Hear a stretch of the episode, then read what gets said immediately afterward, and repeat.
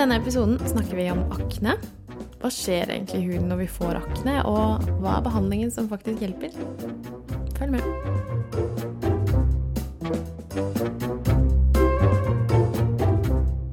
Hei, og hjertelig velkommen til nok en episode av podkasten om huden din.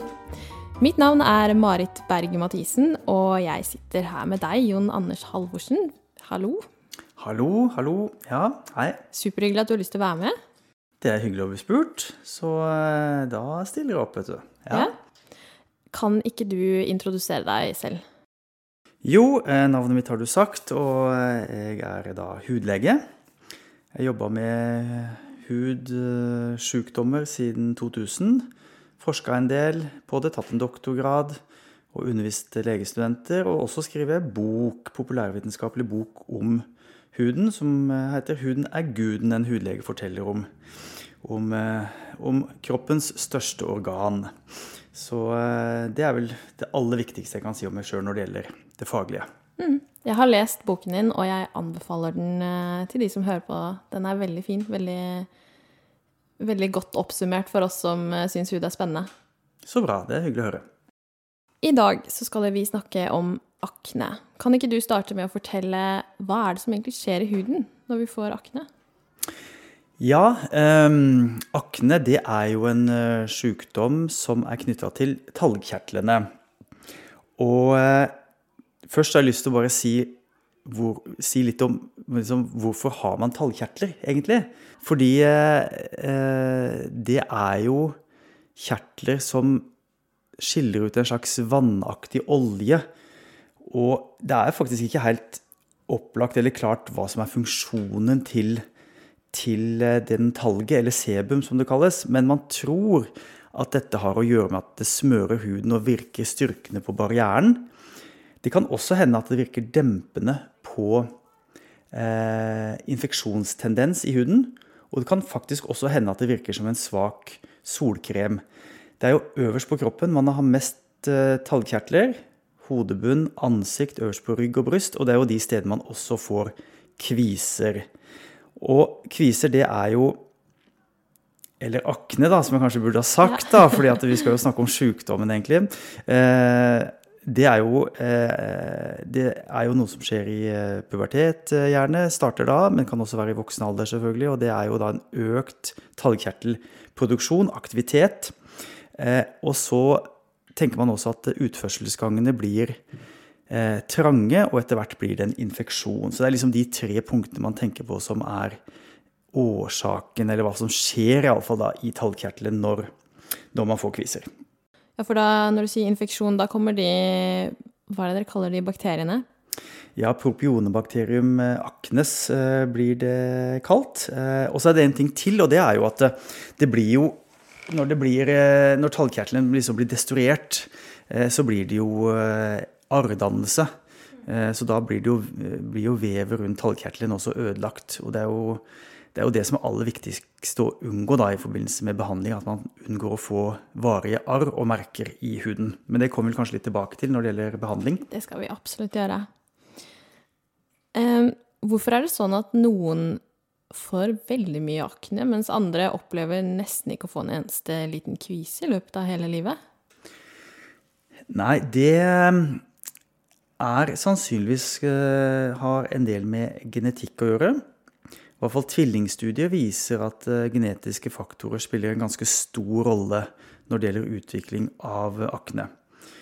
Men det er jo noen paradokser i dette her. Blant annet er det jo vist i noen befolkninger som lever hva skal man si, litt mer eh, teknologisk enkelt da, og har en mer tradisjonell livsstil, at det er lite akne eh, i disse befolkningene. Så man tenker jo at det med eh, kosthold, livsstil, også spiller en rolle. Men man har ikke egentlig klart å, å identifisere dette så presist at det har noe praktisk eh, behandlingsmessig konsekvens. Men, men altså det er et samspill mellom miljø og arv, der arv sannsynligvis spiller en ganske stor rolle, men der også livsstil har en del å si, da, antageligvis. Jeg vet jo at mange syns det med kosthold er veldig, veldig interessant. Hva, hva vet vi egentlig om det området? Um, man veit jo en del om det, og, og, og, og man tenker jo at uh, et for å si det litt enkelt, litt usunt kosthold kan iallfall forverre kviser. Og hva slags type matvarer er det som kanskje det har vært mest snakk om? Det er da sukker, søte, sukkerholdige, karbohydratrike eh, matvarer. Og, og, kumelk, da, som har vært mest framme.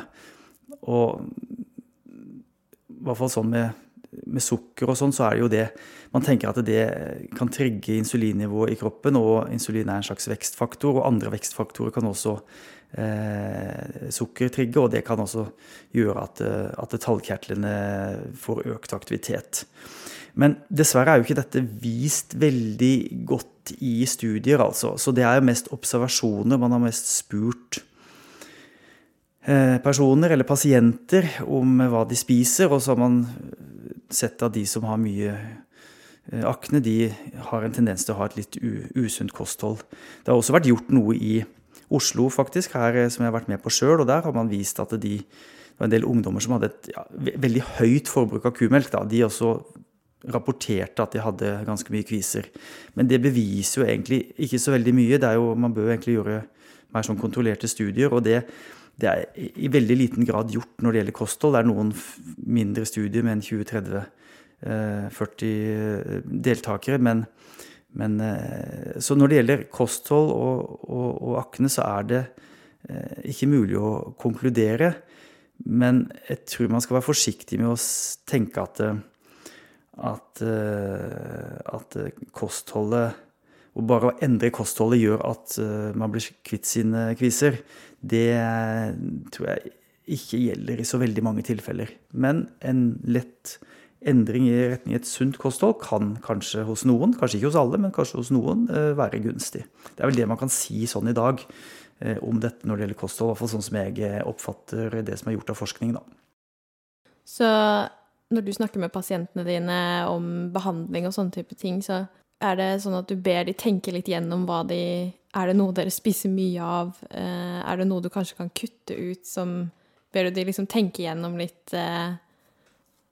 Ja, jeg, jeg, jeg, går faktisk ikke så veldig mye inn på det, men, men, noen ganger så sier jeg at det kan være, kan være gunstig med et, et sunt uh, kosthold med lite sukker og, og kanskje ikke, vel, ikke altfor mye kumelk. Men, men jeg, jeg, vil ikke si at noen skal slutte å drikke et glass eller to melk i, om dagen.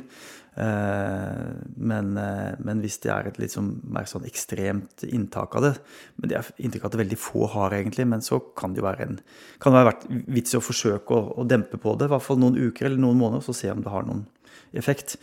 Uh, men som hudlege så er jeg ganske forsiktig med å forespeile noen at dette at dette vil ha stor effekt. Da. Det er jo også en det er jo bare sånn min egen tanke eller observasjon sånn som jeg syns jeg gjør av og til, at en del foreldre er jo litt sånn uh, måtte skylde på eller forteller til ungene sine eller ungdommene sine at nå må du bare spise den og den maten, så skal du bli bedre i huden. på en måte. Det, uh, jeg prøver ikke å støtte altfor mye opp om liksom, den, den, den, den, holdningen der. For jeg tror det må, I verste fall så kan man jo gi eh, ungdommer en slags skyldfølelse for at de har kviser og akne. Og det, det, det syns jeg man også skal være litt forsiktig med. da. Så, eh, og dessuten så finnes jo ganske gode behandlinger mot akne, som jeg tror mange ikke helt er klar over. Så, så det opplever jeg som min oppgave å prøve å gi riktig behandling, eh, som ofte er ganske effektiv, og, og, og en trygg behandling, egentlig. Ja, la oss bevege oss over i det feltet. Behandling. Kan du ta oss gjennom en eh, Har dere en behandlingstrapp dere følger, eller hvordan eh? mm, ja. ja, da for så vidt så finnes det jo en slags behandlingstrapp. Eh, det første som eh, jeg tenker på når jeg møter en pasient, i hvert fall det er på en måte hvor alvorlig akne det er snakk om. Hvis det er mye arr og mye aktivitet og store kviser, så så eh, er det jo ikke noe poeng å gå gjennom eh, alle behandlingsmuligheter. Da må man jo gå rett på tablettbehandling, da, som jeg kan kanskje si litt om etter hvert. Men i mange tilfeller, eller de fleste tilfeller så er det jo snakk om å gi krembehandling. Det fins kremer som man kan kjøpe uten resept. Mange har prøvd dette før de kommer til lege, og noen av de kan jo ha litt effekt. Men i hvert fall den erfaringa som jeg har, det er at at de som kommer til hudlege, eller i hvert fall til hudlege, de har forsøkt dette og syns ikke det er effektivt nok eh, med reseptfrie eh, kremer eller legemidler. Eh, så da blir det jo å skrive ut resept på noen legemidler, og det er ofte vitamin A-syre-lignende stoffer da, i disse retinoidene som er i mange av disse kremene. Og det er på en måte mye av basisbehandlinga, kan man si, da, ved krembehandling mot kviser. Og det er jo tretinoin eller adapalen. Eh, de hemmer jo eh, dansen av disse hudormene, åpner porene, reduserer bakterievekst. Eh, og demper jo da på disse pussfylte kvisedansen etter hvert. Men dette tar jo tid. Tar mange uker, kanskje flere måneder, før full effekt kommer. Og det har jo bivirkninger også, som det er viktig å være klar over. Av bivirkninger så er det jo særlig dette at huden blir tørr, rød, kan flasse, litt ubehagelig i huden. Det er som regel bivirkninger som eh, blir litt mildere etter hvert, etter noen uker. Men eh, for noen så er det plagsomt. Og hvis eh, en person har ganske sensitiv hud, så er det ikke alltid man kan bruke disse kremene hver dag. Man må bruke det annenhver dag. Hvor ofte kan man uh, bruke de kremene, og hvor lenge kan man stå på de? Er det en behandling man kan stå på veldig lenge uten at det egentlig er farlig? Ja, det, dette er behandling som uh, de fleste tilfeller det er helt trygt å stå på i mange år. Um, hvis man planlegger å bli gravid, så skal man ikke bruke disse vitamin A-syrelignende stoffene. Men bortsett fra det så er det jo trygg behandling som eh, gjerne kan brukes kontinuerlig i mange måneder og år, eller i perioder når det blir oppbluss f.eks. av akne. Det finnes jo andre kremer også, som, eh, eller innholdsstoffer i kremer, og da er det benzoylperoksid som er eh, et alternativ, og det som heter da asleinsyre, som også er en innholdsstoff i, i mange av disse kremene. Eh, så, og de har jo litt de samme bivirkningene, dette med at det tørker ut huden. Det er jo nettopp det som er noe av, av vitsen med å bruke disse kremene. At man får mindre tallproduksjon, at eh, man får åpna porene. Og derfor så må huden bli litt uh, tørr, rett og slett, og litt irritert for at det skal skje. Mm. Men hvis den lokalbehandlingen, eller disse kremene, ikke fungerer, så går dere videre til systemisk. Da kan det være aktuelt å vurdere systemisk behandling, ja. Og da er det jo på en måte tre hovedgrupper av medisiner det er snakk om. Da. Det er jo eh, antibiotikatabletter. Det kan være hormonpreparater til kvinner, da. Eh, p-piller. Eller så kan det være dette isotretinoin preparatet, som også er en vitamin A-syrelignende stoff. Da. Så det er de tre man da har å velge mellom. Oftest blir det jo til at eh, bruker antibiotika. Ehm, ehm, men ikke alltid. Det kan hende at eh, man kan gå rett på andre tablettbehandlinger også, eller systemiske behandlinger også. Så, eh, men antibiotika er jo eh, Det skal man jo bruke minst mulig av pga. resistensproblematikk. Så i hvert fall ett prinsipp som gjelder, det er at hvis en person skal bruke antibiotika mot kviser eller akne, så skal man samtidig gå på krembehandling mot akne. Og eh, det gjør at eh, resistensutviklinga blir noe redusert. Og selvfølgelig effekten blir også bedre. Så det er, eh, kan være litt utfordrende å motivere en pasient til å fortsette med krembehandling hvis man syns det ikke har fungert så bra. Men altså krembehandling sammen med antibiotikatabletter er ofte en ganske god, god effektiv behandling, og kan være i mange tilfeller veldig, veldig effektivt. Og da er det jo snakk om noen uker, eller kanskje opptil tre måneders behandling med antibiotika. Det er oftest tetrasykliner som da blir valgt. Ehm, eh, for den har nok også en litt sånn antiinflamatorisk effekt eh, som er viktig i dette tilfellet, i tillegg til at det virker dempende på bakterieinfeksjon eller kolonisering, da. Mm. Ja, og så har vi jo ISO 39 som eh, er neste, neste igjen. Ja. Det er jo eh, etter min mening et veldig bra preparat.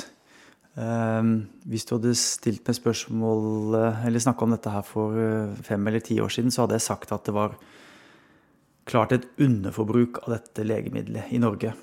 Men bruken har gått opp ganske mye i det siste, og jeg tenker at det er eh, egentlig veldig bra. Fordi dette er et effektivt middel mot eh, akne.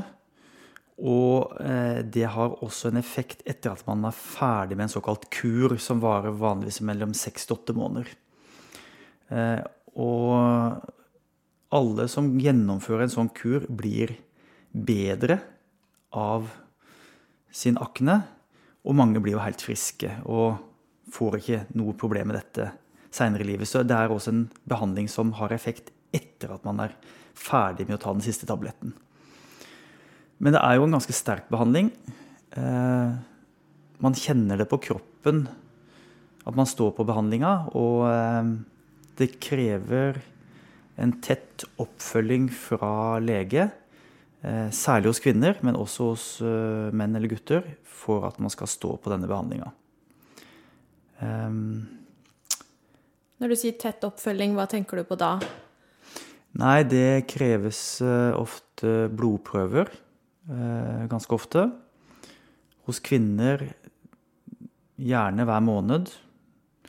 Og de, krever, de fleste hudleger eller leger som gir dette, vil i hvert fall ha et par konsultasjoner i løpet av denne kuren for å for å forsikre seg om at det går bra, rett og slett. Og at den brukes på riktig måte, og at, eh, at, det, at det, går greit med bivirkninger. Det er, jo, det er jo et veldig bra og effektivt preparat, og jeg er i hvert fall opptatt av at eh, alle som får en sånn kurs, skal føle at de får en god oppfølging. For jeg ønsker ikke at dette preparatet skal få for dårlig rykte, rett og slett. Fordi at eh, hvis vi i verste fall skulle miste muligheten å bruke dette preparatet, så ville det gå utover veldig mange som har uh, mye akne. Så, det, så det, det, er et veldig bra og effektivt preparat. Uh, men det har jo bivirkninger. Jeg vet ikke, Skal vi snakke litt om bivirkninger, kanskje? Gjerne det. Ja. Jeg tror mange, jeg har fått mange spørsmål uh, om bivirkninger rundt isotretinoin, så ja. jeg tror det er noe folk ja. gjerne vil høre mer om. Ja. Ja, altså Isotretinoin er jo et fosterskadelig eh, preparat, og det er veldig viktig at kvinner ikke blir gravide mens de står på denne behandlinga. Um, så én uh, kapseltablett i løpet av graviditet uh, kan gi fosterskade. Så det er kanskje det aller viktigste. Og det har jo en del praktiske implikasjoner, bl.a. at alle som får eh, denne medisinen, må jo passe på hvor tablettene er. Eh, man kan ikke la disse ligge og slenge rundt i huset eller på badet. Man må ha kontroll på tablettene, så ikke noen tar de ved en feiltagelse. Eh, eller forveksler det med et annet legemiddel. Man kan f.eks. heller ikke gi blod, for da kan noe av dette stoffet bli gitt videre til andre som da kanskje kan ha skade av det. Eh, når det gjelder andre bivirkninger, så det som de fleste, eller nesten alle, opplever, er jo at huden blir tørr. Slimhinnene blir tørre. Eh, noen får faktisk eksem av å bruke den medisinen.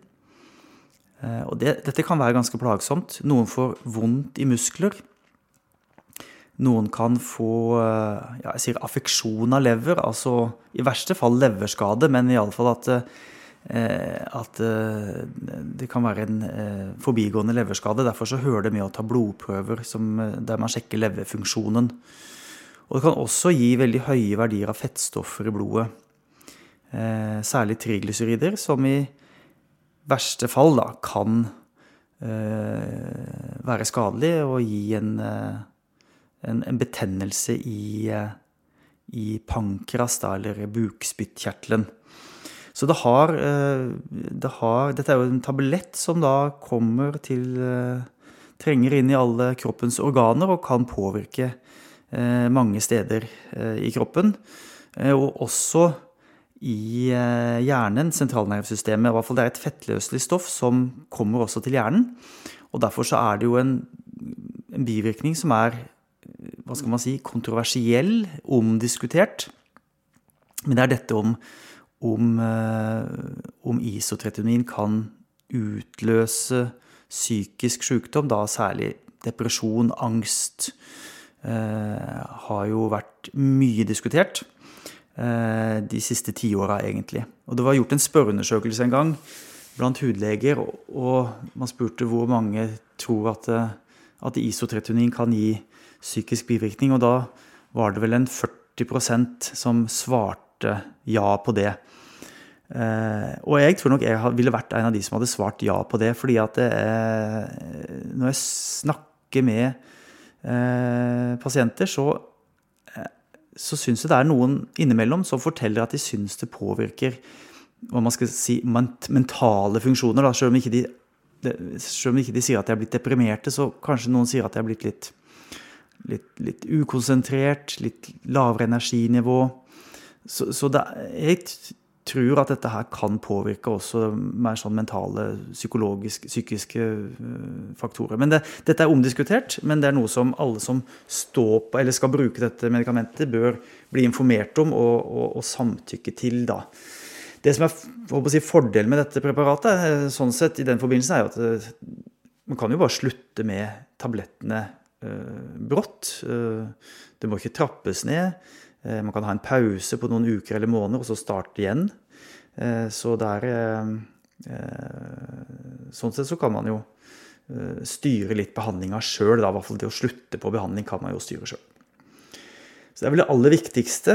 For nå, nå snakker vi om veldig mye negativt Eller det er jo mye bivirkninger som kan oppstå. Mm.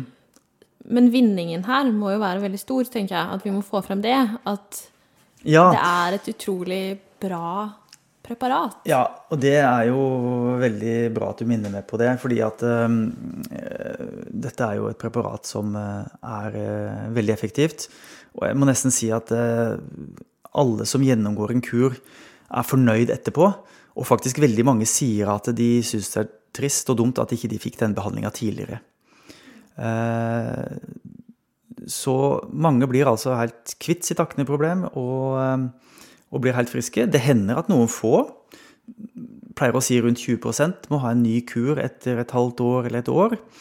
Eh, men eh, altså mange blir veldig bra og veldig fornøyd med dette og får helt opplagt en høyere livskvalitet. Og jeg tror også veldig mange får mindre psykiske symptomer, faktisk, av å gjennomgå dette. Fordi at eh, det er noen som, som, som, som legger ganske mye energi i dette. At de har mye kviser og akne, og at, de, at, det påvirker livet i ganske stor grad. Og det å da bli kvitt det, det Hos noen så er det veldig positivt sånn livskvalitetsmessig også.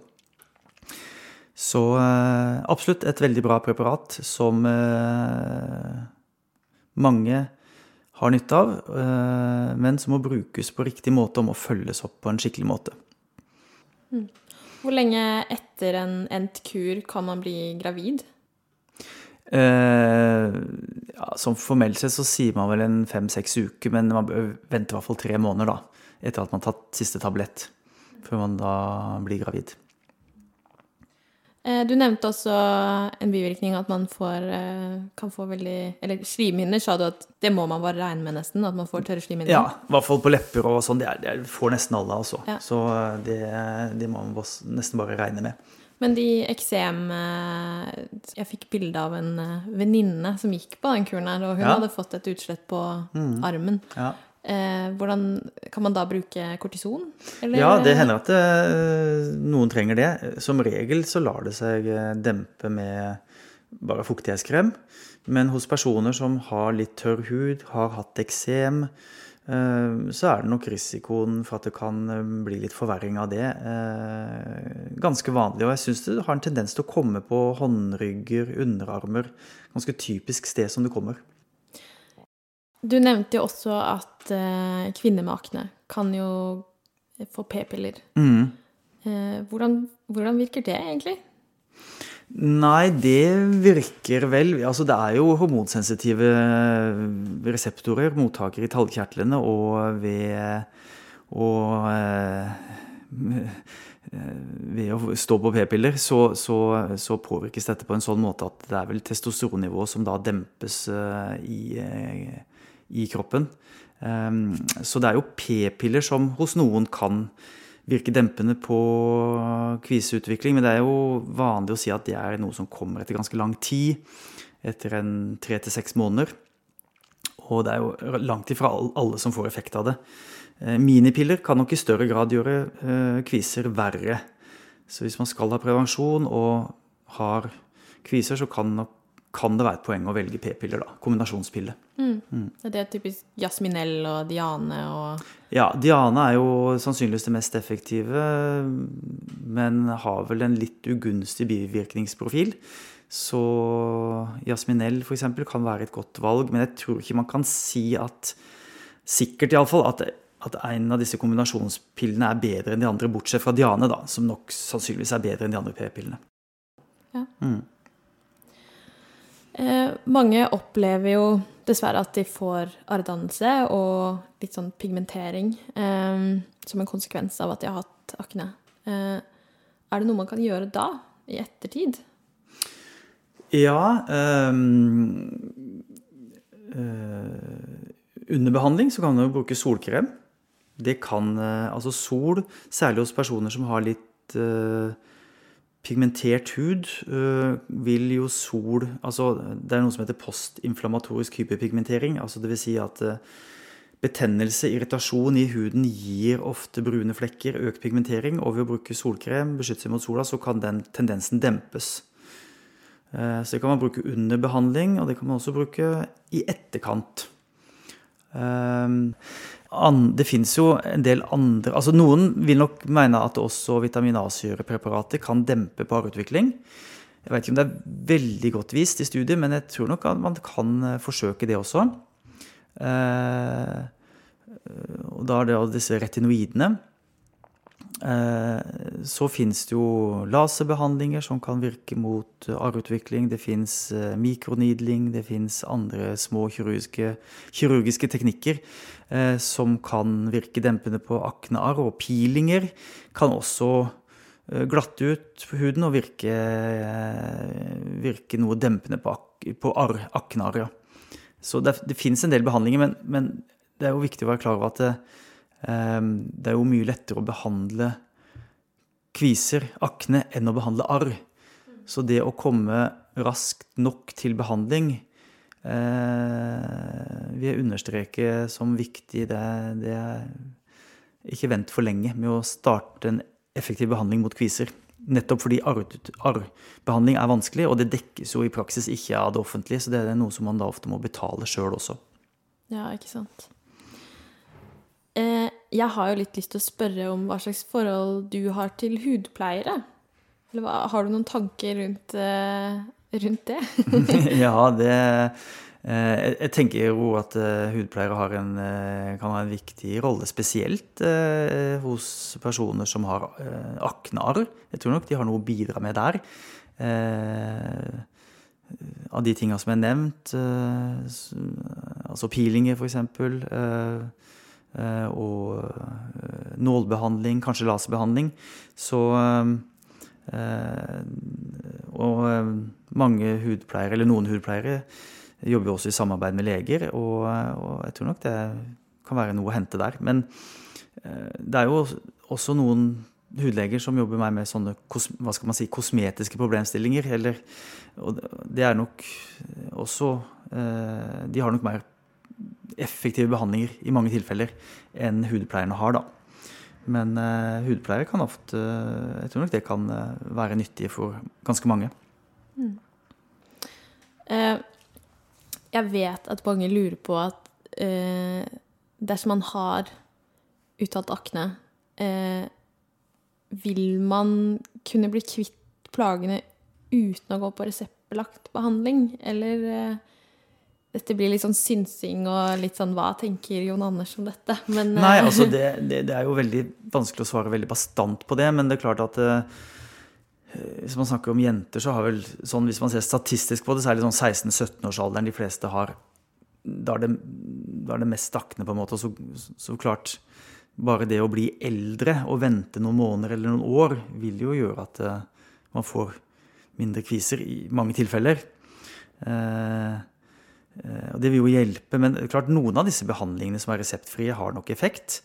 Og kanskje kan det være effektive nok hos noen. Eh, men min holdning til det er vel at eh, forsøk det gjerne, men ikke prøv det altfor lenge, sånn at det blir for mye arr. Eh, for det er vanskelig å behandle i etterkant. Hvorfor er det noen som eh, Det er jo en del som får det i voksen alder.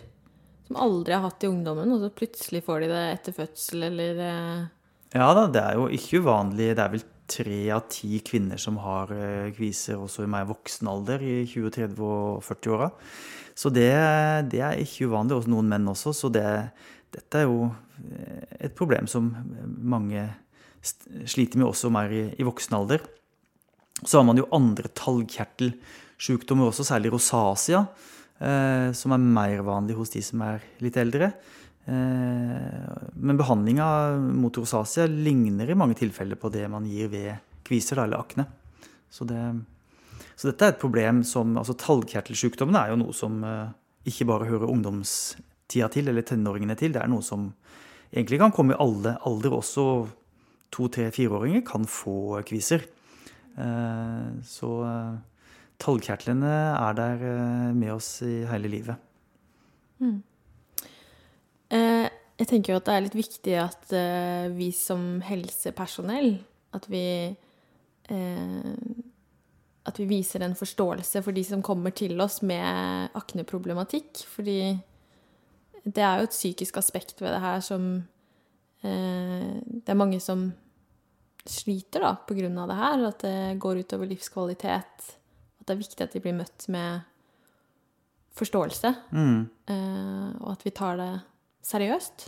Ja, det er jeg helt enig med deg i. Og, og, og studier og, viser jo at, at, personer som har mye kviser og akne, de har nedsatt livskvalitet. I hvert fall når man ser på, på gruppenivå, da. Men dette er jo, dette er jo veldig individuelt.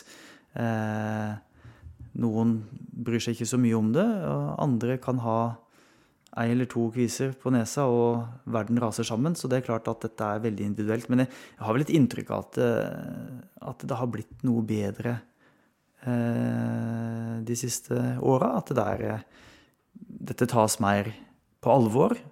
Eh, og jeg tror noe av den refleksjonen at ISO 39-bruken har gått opp ganske mye, det er en refleksjon av at dette er et, er et helseproblem som, som der flere får hjelp til nå da, enn kanskje før. Da. Så jeg tror at det går i riktig retning, for å si det sånn. Det tror jeg nok. Ja, det er bra. Mm. Sånn avslutningsvis, eh, har du noen erfaringer du har lyst til å dele med oss? Nei, men husk at fastlege kan hjelpe med veldig mye, altså. Eh, mange fastleger er interessert og eh, kan jo selvfølgelig skrive ut eh, disse preparatene. Så, så det å gå til fastlege, det, der, får man jo ofte time ganske raskt. Hudleger er det ofte lang ventetid for å få time hos, men så ikke vent for lenge med å gå til fastlege og få hjelp der. Og så er det jo det med all behandling mot kviser og akne, det, jo, det krever jo tålmodighet. Det er ingen behandling som hjelper i løpet av en dag eller to. Man må smøre huden inn hver kveld i uker og måneder før man liksom kan egentlig se de store resultatene. Og mange av behandlingene er jo veldig gode eh, hvis man bruker preparatene på riktig måte, så det gjelder å ikke gi opp håpet, da.